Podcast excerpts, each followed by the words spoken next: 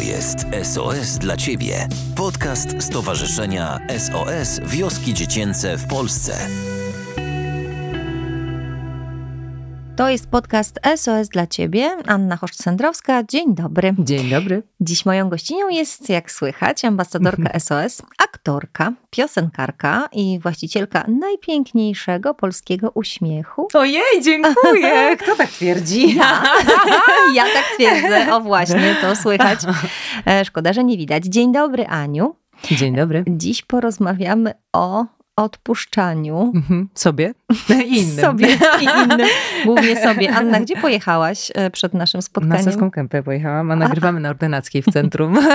Tak tak, jest. to nie a pierwszy raz mi się zdarzyło niestety. Za szybko, za dużo, no taki czas też. I przede wszystkim mm, prywatnie, no bardzo dużo się u mnie takich dosyć trudnych rzeczy teraz wydarza, więc e, mam ogromną potrzebę skupienia się na tym i to się wydarzy już za parę dni, bo wyjeżdżam na chwilowy urlop. Także porozmawiamy dziś o odpuszczaniu, o tym, że warto się czasem zaszyć w głuszy, o tym, jak dzieciństwo determinuje nasze późniejsze wybory, no i e, zastanowimy się nad tym, jak e, ważne dla dzieci w każdym wieku jest poczucie bezpieczeństwa. No i ponieważ obie jesteśmy mamami nastolatek, ała, ała. to o tym też przez chwilę e, pogadamy. W tym tygodniu byłaś na otwarciu naszego nowego programu profilaktycznego SOS Rodzinie w Brennej. Mhm. Opowiadaj, jak było. Wspaniale, wspaniałe dzieci, ale też e, co jest e, niesamowite i za każdym razem ogromnie mnie wzrusza, wspaniali ludzie, którzy pracują w tych miejscach i którzy oddają swój czas, swoje serce, swoją wiedzę i kompetencje tym potrzebującym dzieciom, które Zarówno w świetlicy środowiskowej, którą otwieraliśmy oficjalnie, bo ona już działa od końca zeszłego roku, jak i w Sindbadzie, w tej interwencyjnej placówce. Dzieciaki są w ogromnej potrzebie, trafiają tam, szczególnie do Sindbada, z interwencji.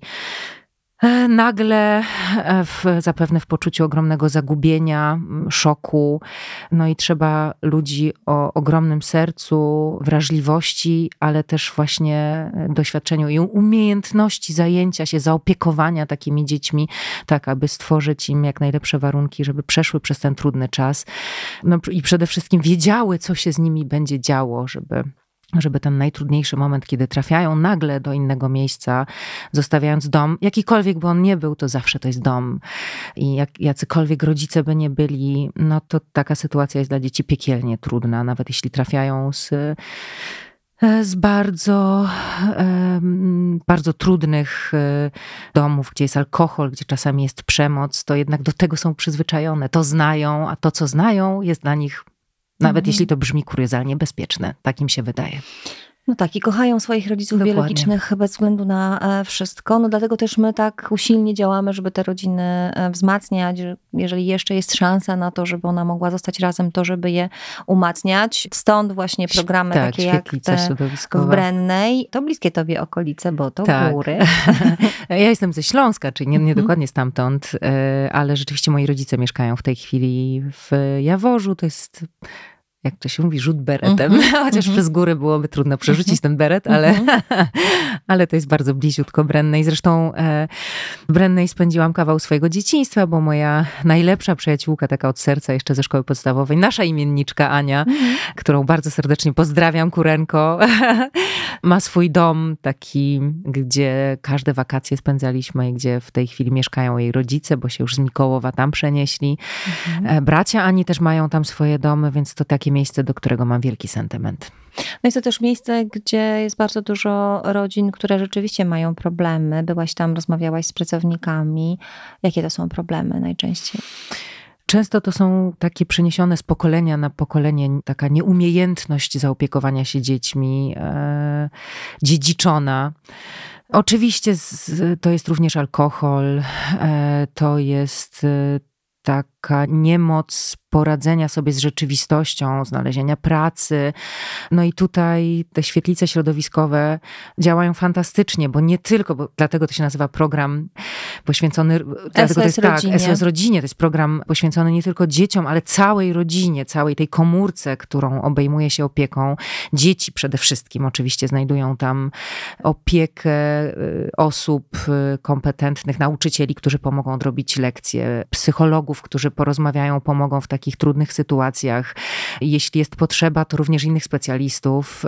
Znajdą ciepły posiłek, znajdą miejsce, gdzie mogą posiedzieć, czego czasami w domu nie ma, w cieple, gdzie mogą posiedzieć w ciszy i skupić myśli, ale też to jest miejsce, gdzie pomoc znajdują rodzice. Właśnie w takim, e, czy w skierowaniu do odpowiedniej placówki, czy tym się też charakteryzują te świetlice środowiskowe, że to jest praca na zasobach tak zwanych, czyli na tym, co pokazanie rodzicom, mamie, tacie, dziadkom, którzy opiekują się dziećmi, jak dużo oni już zrobili, jak, co potrafią dać dziecku, tak żeby no, nie podcinać skrzydeł, nie sprawiać, żeby te rodziny jeszcze, bo często to jest tak, że ci rodzice, oni bardzo chcą, ale mają tak małą wiarę w to, że potrafią, że po prostu te umiejętności się gdzieś rozmywają, rozpływają, rodzice no, opuszczają ręce, a tutaj chodzi o to, żeby dodać im e, wiarę, dmuchać w ich żagle i, e, no i sprawiać, żeby te kompetencje rodzicielskie się rozwijały. Tak, tam są ludzie, którzy to potrafią robić. Tak, to e, prawda, ale to bardzo fajne. widać. Wszyscy, tak, wszyscy widać. pracownicy są Świetnie naprawdę, są. mają tak wspaniałą energię. No i też widać po dzieciach w tym Sindbacie, to jest naprawdę dzieci, które całkiem niedawno, bo to są dzieci, które niedawno mhm. trafiły tam, są dzieci, które są tam od miesięcy czy latami, więc naprawdę w takiej trudnej bardzo i dopiero co odbytej kryzysowej sytuacji, a jednak mają taki spokój w sobie, mają dużo radości i to wszystko jest zasługa osób, które tam pracują, które się nimi opiekują. To jest niezwykle budujące. Ja usłyszałam coś takiego bardzo pięknego, ale też i bardzo smutnego na temat tej Twojej wizyty i tego, jak, jak ważną jesteś osobą. W ogóle taka osoba, która jest powszechnie znana, jakie to jest ważne dla dzieci, że takie osoby do nich przyjeżdżają, że o nich myślą, że ich, je wspierają. Jedna dziewczyna powiedziała, że się cieszy pierwszy raz w życiu, że ma problemy rodzinne, bo mogła Cię poznać. Słyszałam, tak, to strasznie to było wzruszające. Przejmujące. I przejmujące, tak, bo oczywiście to jest trochę odwrócenie, jakby, ale tak było, choć czasem sobie myślę, że dla nich z całą pewnością, dla tych dzieci z całą pewnością zdecydowanie większym wydarzeniem byłoby, gdyby nie wiem, no przyjechała Julia Wieniawa albo Wersow, mhm. którą pewnie podziwiają i śledzą. Być może nie wszystkie nawet wiedzą, kim ja jestem, mhm. ale czasem sobie myślę w takiej mojej kryzysowej sytuacji, kiedy się zastanawiam, po co ja tam jadę, po co ja to robię, to nawet jeśli przywiezie im się jakiś rodzaj takiej innej energii niż tą, którą mhm. znają na co dzień takiego oddechu, takiego e, chwilowego oderwania myśli od tego, co codziennie się wydarza i o czym codziennie myślą, to to jest e, warte tego, żeby to robić. Mhm. Ale też widzę, że dla osób, które pracują w tych miejscach, to jest ważne, że, tak, że oni prawda. czerpią z tego energię i jakby przypominają sobie po raz kolejny sens tego, co robią. To jest wspaniałe. Tak, to jest dla nas bardzo, bardzo ważne, że tacy fajni ludzie nas e, wspierają. Teraz startujemy z kampanią na temat mhm. właśnie wspierania regularnego dzieci w kryzysie. Wystąpiłaś w spocie razem z swoimi koleżankami, mhm. ambasadorkami, bo jest już was kilka. Ja w ogóle jak tak siedzimy przy tych mikrofonach, to sobie przypominam naszą pierwszą rozmowę, nie wiem, czy ty pamiętasz, byłyśmy w Polskim Radiu. To był 2015 rok po nagraniu płyty z kolendami. A, tak, ojej, I ja tak. cię po wyjściu ze studia radiowego poprosiłam o to, żebyś została naszą to ambasadorką. Prawda. Tak było, taki mam, tak. wiesz, przypomniało mi się tej sytuacji, jak siedziałyśmy, no to, to jest super. E, chciałam zapytać o ten spot, bo w tym spocie jest dziadek i jest Ola, mhm. to jest e, rodzina mhm. i my też chcemy podkreślać, że rodziny są różne. No twoja też nie była taka, powiedziałabym, hmm, zupełnie zwyczajna. tak, tak, moja nie jest zupełnie zwyczajna wciąż. mam na myśli o tej rodzinie rodzinie twojej, e, w sensie o tacie, o, o, e, tak, o, mama o tym, jak się wychowywałaś. miałam 9 lat, mhm. brat był 4 lata starszy. No i po śmierci mamy, już w czasie choroby mamy, mama zmarła na raka jajnika, przeprowadzili się do nas dziadkowie, rodzice taty, babcia i dziadek. Dziadek był częściowo sparaliżowany, więc tak naprawdę babcia się nami mhm. zajmowała. Zajmowała się wspaniale. Była najcudowniejszą babcią na świecie, naprawdę. Takim aniołem.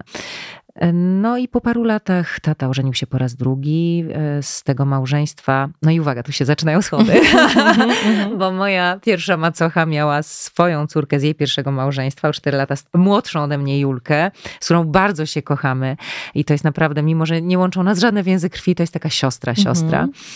No ale to małżeństwo rodziców mojego taty z moją pierwszą macoszką, ciocią Teresą nie przetrwało.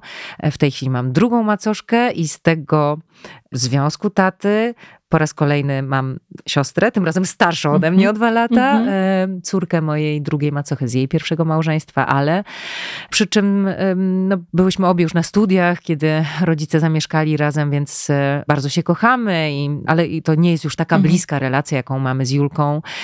Niemniej, kiedy się spotykamy w takim pełnym gronie, no to, to jest to bardzo tak wesoło. jak wesołe się. Tak, tak, no mniej więcej Długi tak, stół dokładnie. i dużo osób Ja mam trójkę dzieci, tak. tak, Andrzej ma mhm. Dwoje, Ala ma dwoje, Julka ma mhm. troje, no więc tak jest naprawdę wesoło, mhm. wesoło.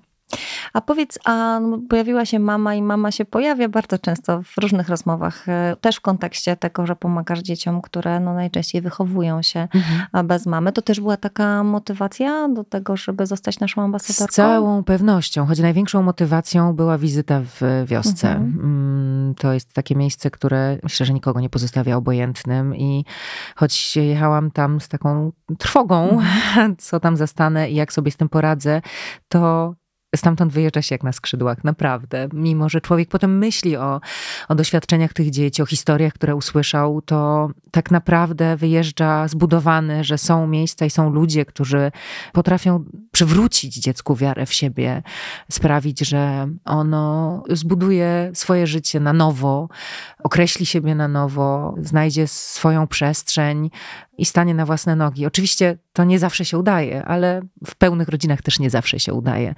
A tutaj tak mówi się o tych rodzinach wioskowych, a proszę mi wierzyć, tam po drugiej stronie, jak nas słuchacie, że to są prawdziwe rodziny, to są prawdziwe domy, gdzie toczy się normalne życie, gdzie ludzie się kłócą, kochają, wspierają, siadają razem do śniadania, wkładają do zmywarki. Tam tak normalny, normalny, prawdziwy dom, którym zazwyczaj, i to jest tylko wyjątkowe, ale też nie zawsze, zazwyczaj opiekuje się mama.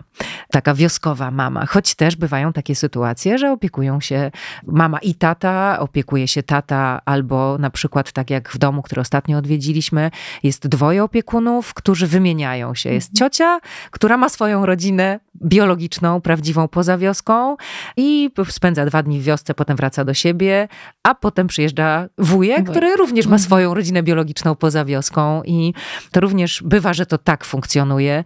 Niemniej, skoro jesteśmy przy tym temacie, no to rodziców OS-owych brakuje, więc y, jeśli macie takie, nie wiem, kiedykolwiek przyszło wam do głowy, że być może to byłaby wasza droga, to, to stowarzyszenie z całą pewnością odpowie na wszystkie wasze pytania. Prawdziwa ambasadorka, tak. tak. Na to cały czas czekamy. Rzeczywiście rodziców SOS brakuje. Jak ktoś nas słucha i mu zagrało w głowie, że to może być dla niego, to zapraszamy, bo to jest bardzo fajna rola, bo nie praca, ale też i oczywiście bardzo, bardzo trudna. Powiedziałaś, że tam w tym domu jest ciepło i że nie chce się stamtąd wyjeżdżać. Ja zawsze mam takie uczucia. Tak Twoja córka, jak była z nami pierwszy raz, to naprawdę nie chciała wyjechać, pamiętasz? Nie, ale wiesz, ona ma kontakt z, mhm. z, z, kilkoma osobami, z kilkoma dzieciakami. To już jest młodzież, to już nie dzieciaki. Już są nawet dorośli, bo Dominik Niektórzy ma, tak. moja droga, 20 lat no, Wiem, wiem. Tak, to było, no to jednak było kilka lat tak, temu. Tak. tak, rzeczywiście dzieci, y, bo jeszcze wtedy były, y, wszystkie były dzieciakami, krzykowały Lenusi spanie, miała tam zostać. Ja pamiętam, że ty karmiłaś jeszcze, mówię, że tak. musisz wracać, musisz. Tak, tak A ona, jej się tak tam podobało, musicie przyjechać po raz kolejny. Tak, Dawno nie byliśmy, tak. byliśmy przed pandemią ostatnio, mówię o Siedlcach, bo, mhm. bo ty jesteś podróżującą ambasadorką i często, to często prawda, ja to bardzo lubię. Ale że tutaj jest z nami Zejna, wy jej nie słyszycie, bo ona tutaj tak cichutko chodzi i filmuje nas. No, mm. słuchajcie, tutaj jechałam ostatnio z Zejnam do Brennej i muszę cię pochwalić, nawet Danielowi mojemu cię chwaliłam, że na to mówiła mi ile jeździ, że bardzo mało, no to prowadzi fantastycznie. Nie, Naprawdę, więc... Świetnym kierowcą. Proszę. Nie tylko kierowcą, ale tak, Kierowczynią. Tak, Kierowczynią, tak. To prawda. Aniu, mamy no troszkę, jeżeli pozwolisz, zmienię temat Mhm. na poważniejsze, no bo w ogóle poważne tematy u nas. Jak wiesz, mamy właściwie dwie dodatkowe wioski dzieci w tej chwili. To Mhm. są dzieci z Ukrainy. Pomogłaś nam bardzo rozpropagować biurkę, e, dzięki której mogliśmy te rodziny zastępcze i dom dziecka sprowadzić do Polski. Teraz możemy ich utrzymywać i też e, szykować miejsca dla kolejnych grup e, dzieci. Wiem, że otworzyłaś też swój mazurski dom dla potrzebujących Mhm. rodzin z Ukrainy. Dlaczego? Bo uważałam, że to jest słuszne. Mhm. Ja tr- troszkę miałam wyrzuty sumienia, ponieważ to był okres, kiedy byłam bardzo intensywnie zajęta w pracy, kręciłam serial i nie mogłam się zaangażować tak, jakbym to zrobiła normalnie. W taką bieżącą pomoc, e, ale robił to Daniel za nas oboje. Mhm. Jeździł na granicę, woził rzeczy, przywoził stamtąd e, uchodźców, e, organizował im tu miejsca noclegowe, więc jakby miałam poczucie, że jako rodzina pomagamy, a rzeczywiście no, nasz mazurski dom wydawał nam się, tym bardziej, że nikt tam nie mieszka, to była przestrzeń, Mhm. którą, którą mogliśmy oddać, no i, i zrobiliśmy to bez wahania. A powiedz, co to za pomysł z tym domem na Mazurach? Tak daleko, pośrodku właściwie niczego. No właśnie, to jest tak, pomysł. okej. Właśnie to, to co, jest chcesz pomysł. uciec raz na jakiś E, czas, czy w ogóle? E, Pewnie kiedyś w ogóle. Mhm. Ale no póki są dzieci, wiadomo, że jest to raczej niemożliwe. Lenusia bardzo lubi Warszawę i to jest jej miejsce, choć podesłała mi ostatnio jakieś linki do stypendiów różnych O, zagranicznych. Proszę, proszę. I to jest fajne i myślę, że to, że odwiedzamy takie miejsca jak wioski, to też sprawia, że ona widzi, jak różny jest świat, jak Mhm. różne są drogi. I mm, też kiedy byliśmy parę lat temu w Kenii, to tam też e, Maksio był wówczas malutki, więc ja z nim zostałam. Daniel z Lenusią pojechał właśnie odwiedzić sierociniec dla dzieci i myślę, że takie doświadczenia są niezwykle wzbogacające i takie otwierające oczy na świat, szczególnie tym naszym dzieciom, które trzymamy troszkę pod kloszem. Im się Mhm. wydaje, że, że tak wygląda świat, jak my tutaj Mhm. mieszkamy w Warszawie, W tej bańce. w tej Mhm. bańce. No a wystarczy wyjechać do Siedlec, a nawet nie, Tak. no wystarczy wyjechać, nie wiem, na obrzeża Warszawy. drugą i okazuje, stronę Wisły. Tak, na drugą Mhm. stronę Wisły. I okazuje się, że no, jeszcze wciąż w XXI wieku bywają dzieci, które nie mają kanalizacji bieżącej wody w domu. Łazienki. Tak, to prawda. To są Mhm. właśnie te dzieci, którymi opiekujemy się w ramach naszych programów SOS Rodzinie, dlatego też wsparcie dla nich jest bardzo ważne, ale nie tylko dlatego, także dlatego, że pandemia bardzo dotknęła właściwie wszystkie rodziny. E, Te rodziny w kryzysie, które były przed pandemią w kryzysie, no to po prostu wróciły bardzo często na stare tory. Nasi pracownicy z SOS Rodzinie mówią, że właściwie często zaczynają pracę od początku. A was pandemia dotknęła jako rodzinę? Masz taką obserwację? Oczywiście, że tak, ale mm, wydaje mi się, że my wynieśliśmy z tego tylko dobro i, Mhm. i takie wnioski, które nas bardzo zbudowały i że okazało się, no bo to było trudne doświadczenie, nagle być razem tak na Mhm. 100% i, i się 24 nagle godziny. okazało, że najdudniejszy facet z biura jest twoim mężem. No, Taki właśnie się nie okazało. okazało się, że jest całkiem Nie, to fajnym też nie facetem. było moje doświadczenie, żeby nie było, żeby nie było. Tak, tak, ale okazało się, że się bardzo kochamy i że potrafimy ze sobą być te 24 godziny na dobę i, no i nie zrobić sobie żadnej krzywdy, Mhm. ani psychicznej, ani fizycznej, tym bardziej. Co więcej, mamy dziecko, które e, pojawiło się po pandemii, więc to chyba świadczy o tym, że, Aha. że jednak było nam dobrze ze sobą na różnych płaszczyznach. A propos na początku naszej rozmowy i tego pośpiechu, to on jest teraz, tak jak mówiłam, wynika z różnych moich doświadczeń takich prywatnych i e, chorób w rodzinie, które się pojawiły niestety, ale tfu, Mhm. tfu, tfu, jestem, wierzę głęboko w to i zaklinam rzeczywistość, że wszystko będzie dobrze. Natomiast e, odnośnie tego doświadczenia pandemicznego, ja jednak e, nauczyłam się i dowiedziałam się wiele o sobie i Mhm. że ja nie muszę tak dużo pracować, że są ważniejsze rzeczy, które sprawiają mi więcej radości i w długiej, w dłuższej perspektywie wzbogacają mnie zdecydowanie bardziej. Mówię przede wszystkim o spędzaniu czasu z dziećmi. Mhm. No i to niezwykle ciekawe, że musiałam przejść tak długą drogę, żeby się tego dowiedzieć, choć wydaje się to oczywiste. Oczywiste, tak. Powiedziałaś o dzieciach. Obie wiemy, że dzieci są jak barometry, że wyczuwają każdą emocję, że bardzo nas obserwują. Też te ostatnie wydarzenia, to zamknięcie, ten brak poczucia bezpieczeństwa, wojna mhm. E, tuż za granicą też się na nich bardzo odbiła, na ich poczuciu bezpieczeństwa przede wszystkim. No i mam też taką obserwację, że no nie chcę tutaj wpójść w stereotypy, ale ten okres dojrzewania u dziewcząt jest e, dość trudnym czasem. No to Anno, jak to jest być matką nastolatki? Opowiadaj, bo może niektórzy, którzy nas słuchają, nie mają takiego doświadczenia. My obie mamy, więc możemy coś o tym opowiedzieć. To jest trudne i myślę, że głównie jest trudne w wypadku nastolatek, mniej w wypadku nastolatków.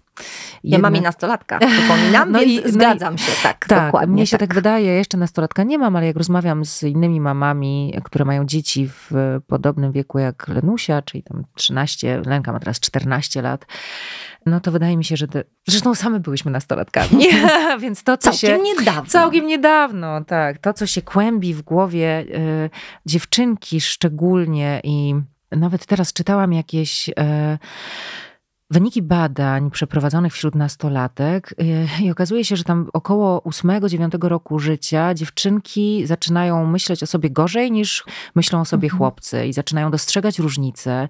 Oczywiście nie wszystkie, ale zaczynają się wycofywać troszeczkę, umniejszać swoim umiejętnościom, swoim zasługom. Oczywiście to jest globalne zjawisko, mhm. ale w Polsce jakoś wyjątkowo. Może I... trzeba było pomyśleć o naszym systemie edukacji. No, oczywiście Oczywiście, że tak. Oczywiście, że tak. on de facto ale, uczy. No, e, teraz... I w jakie role gdzieś wkłada dzieciaki. No, dużo się o tym mówi, a jednak jakby tak e, odgórnie te zmiany, mam wrażenie, raczej posuwają nas w tył, a nie w przód. E, mhm. No ale to jest już inna rozmowa. Niemniej jest to bardzo trudny czas i wymaga wielkiej wrażliwości i czujności od rodziców, bo to są małe rzeczy, które w takiej dłuższej perspektywie, małe zmiany, małe rzeczy, małe doświadczenia, które dla tych naszych nastolatek, nastolatków też są, nie wiem, czy wy pamiętacie jako rodzice, bo ja to pamiętam, że mnie się wydawało, że to, że moja przyjaciółka krzywo na mnie spojrzała, albo że przez tydzień spędzała czas z inną grupą koleżanek, dla mnie było końcem świata i naprawdę pojawiały się takie myśli, ja nawet pamiętam, jak wychodziłam na spacery, oczywiście potem wracałam, ale szłam na trzy godziny z myślą o tym, żeby już nie wrócić i wyobrażałam sobie, w jakiej trwodze wszyscy będą mnie szukali. I tego strasznie potrzebowałam, zwrócenia na siebie uwagi. A w tej chwili przez doświadczenia wyniesione z internetu, z seriali, które dzieciaki oglądają, z tego, że czytają bardzo dużo. Moja Lenusia dzisiaj przyszła do domu i miała bardzo trudne doświadczenie, bo przygotowywali projekt, w którym mają taki tydzień projektowy w szkole, bardzo fajny i dużo w tym projekcie było na temat samobójstw nastolatek.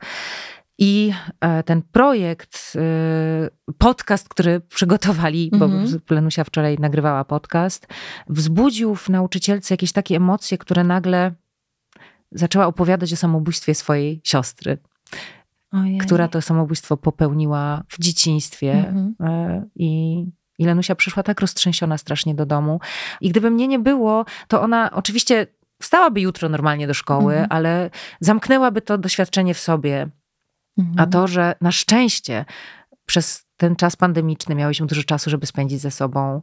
Jesteśmy teraz blisko, rozmawiamy ze sobą, no to ona już przez telefon mi powiedziała, zapytałam, czy wszystko w porządku, bo coś wyczułam w jej głosie. Tak, I ona czuć. mówi, to czuć. Mhm. I ona mówi, tak, tak. Ja mówię, Lenusiu, co się stało? Nie, powiem ci, jak wrócę, powiem ci, jak wrócę. No jak wróciła, na szczęście byłam w domu i rzeczywiście wypłakała, to wyrzuciła z siebie to doświadczenie i no idzie teraz na tenisa, wyrzucić to jeszcze fizycznie, mhm. ale no to są takie momenty niezwykle istotne e, takiej obecności naszej przy naszych dzieciach, bo czasem nie trzeba słów, czasem trzeba tylko naszej obecności, przytulenia, takiej bliskości. To jest dla nastolatek, tak się mówi, małe dziecko, mały kłopot, ale to jest prawda. Mhm. E, te małe dzieci potrzebują naszej fizycznej obecności, nie wiem, piersi, którą karmimy, a starsze potrzebują rozmowy i uważności.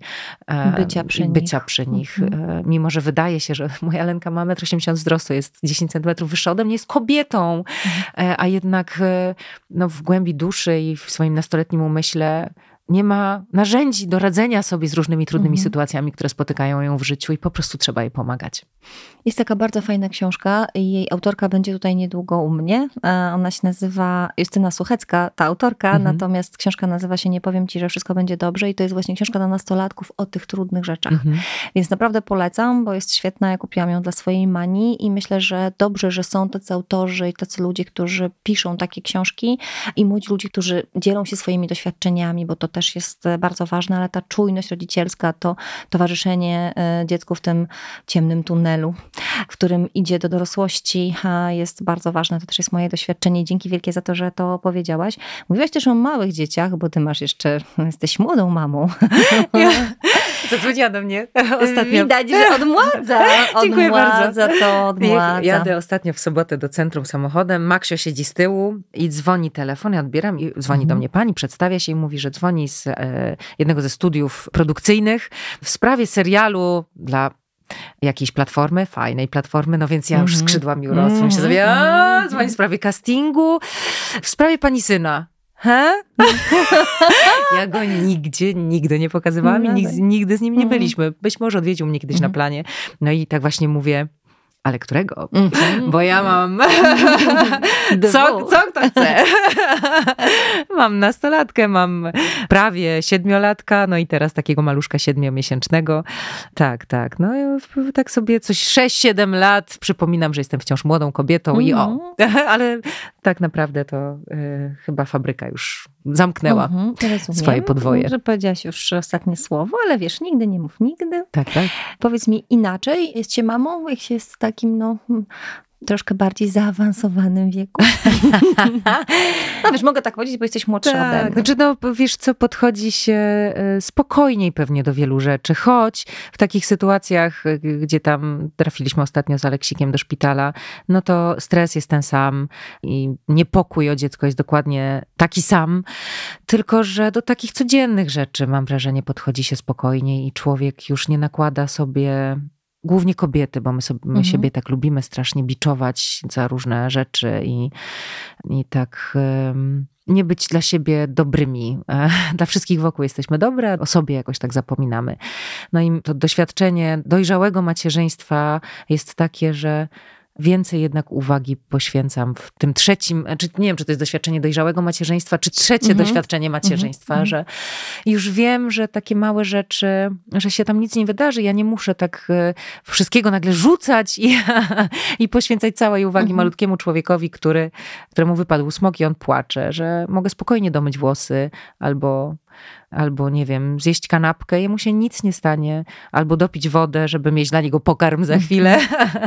E, Jest tak spokojniej i zdrowiej. Mhm. Czyli nie ma tego naprawiania tych wszystkich błędów, które popełniłaś za pierwszym i za drugim razem. Nie rozpamiętuję tak tego i nie, nie myślę o tym, że popełniłam strasznie dużo błędów, Mhm. jeśli chodzi o wychowywanie Mhm. dzieci.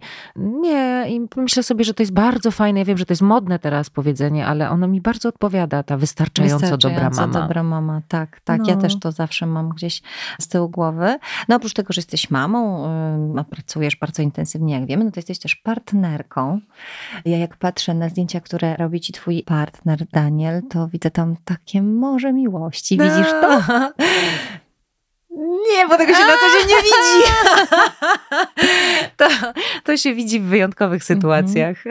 Ale skończyłam teraz czytać bardzo ładną książkę, audiobooka. I za każdym razem, jak czytam coś takiego, to sobie myślę, wrócę do domu i powiem mu, że go kocham i go pocałuję. I, no dzisiaj nie, bo pojechał na Mazury, ale jak jutro wróci, to... Tak zrób. tak Ja zrobię. też tak zrobię.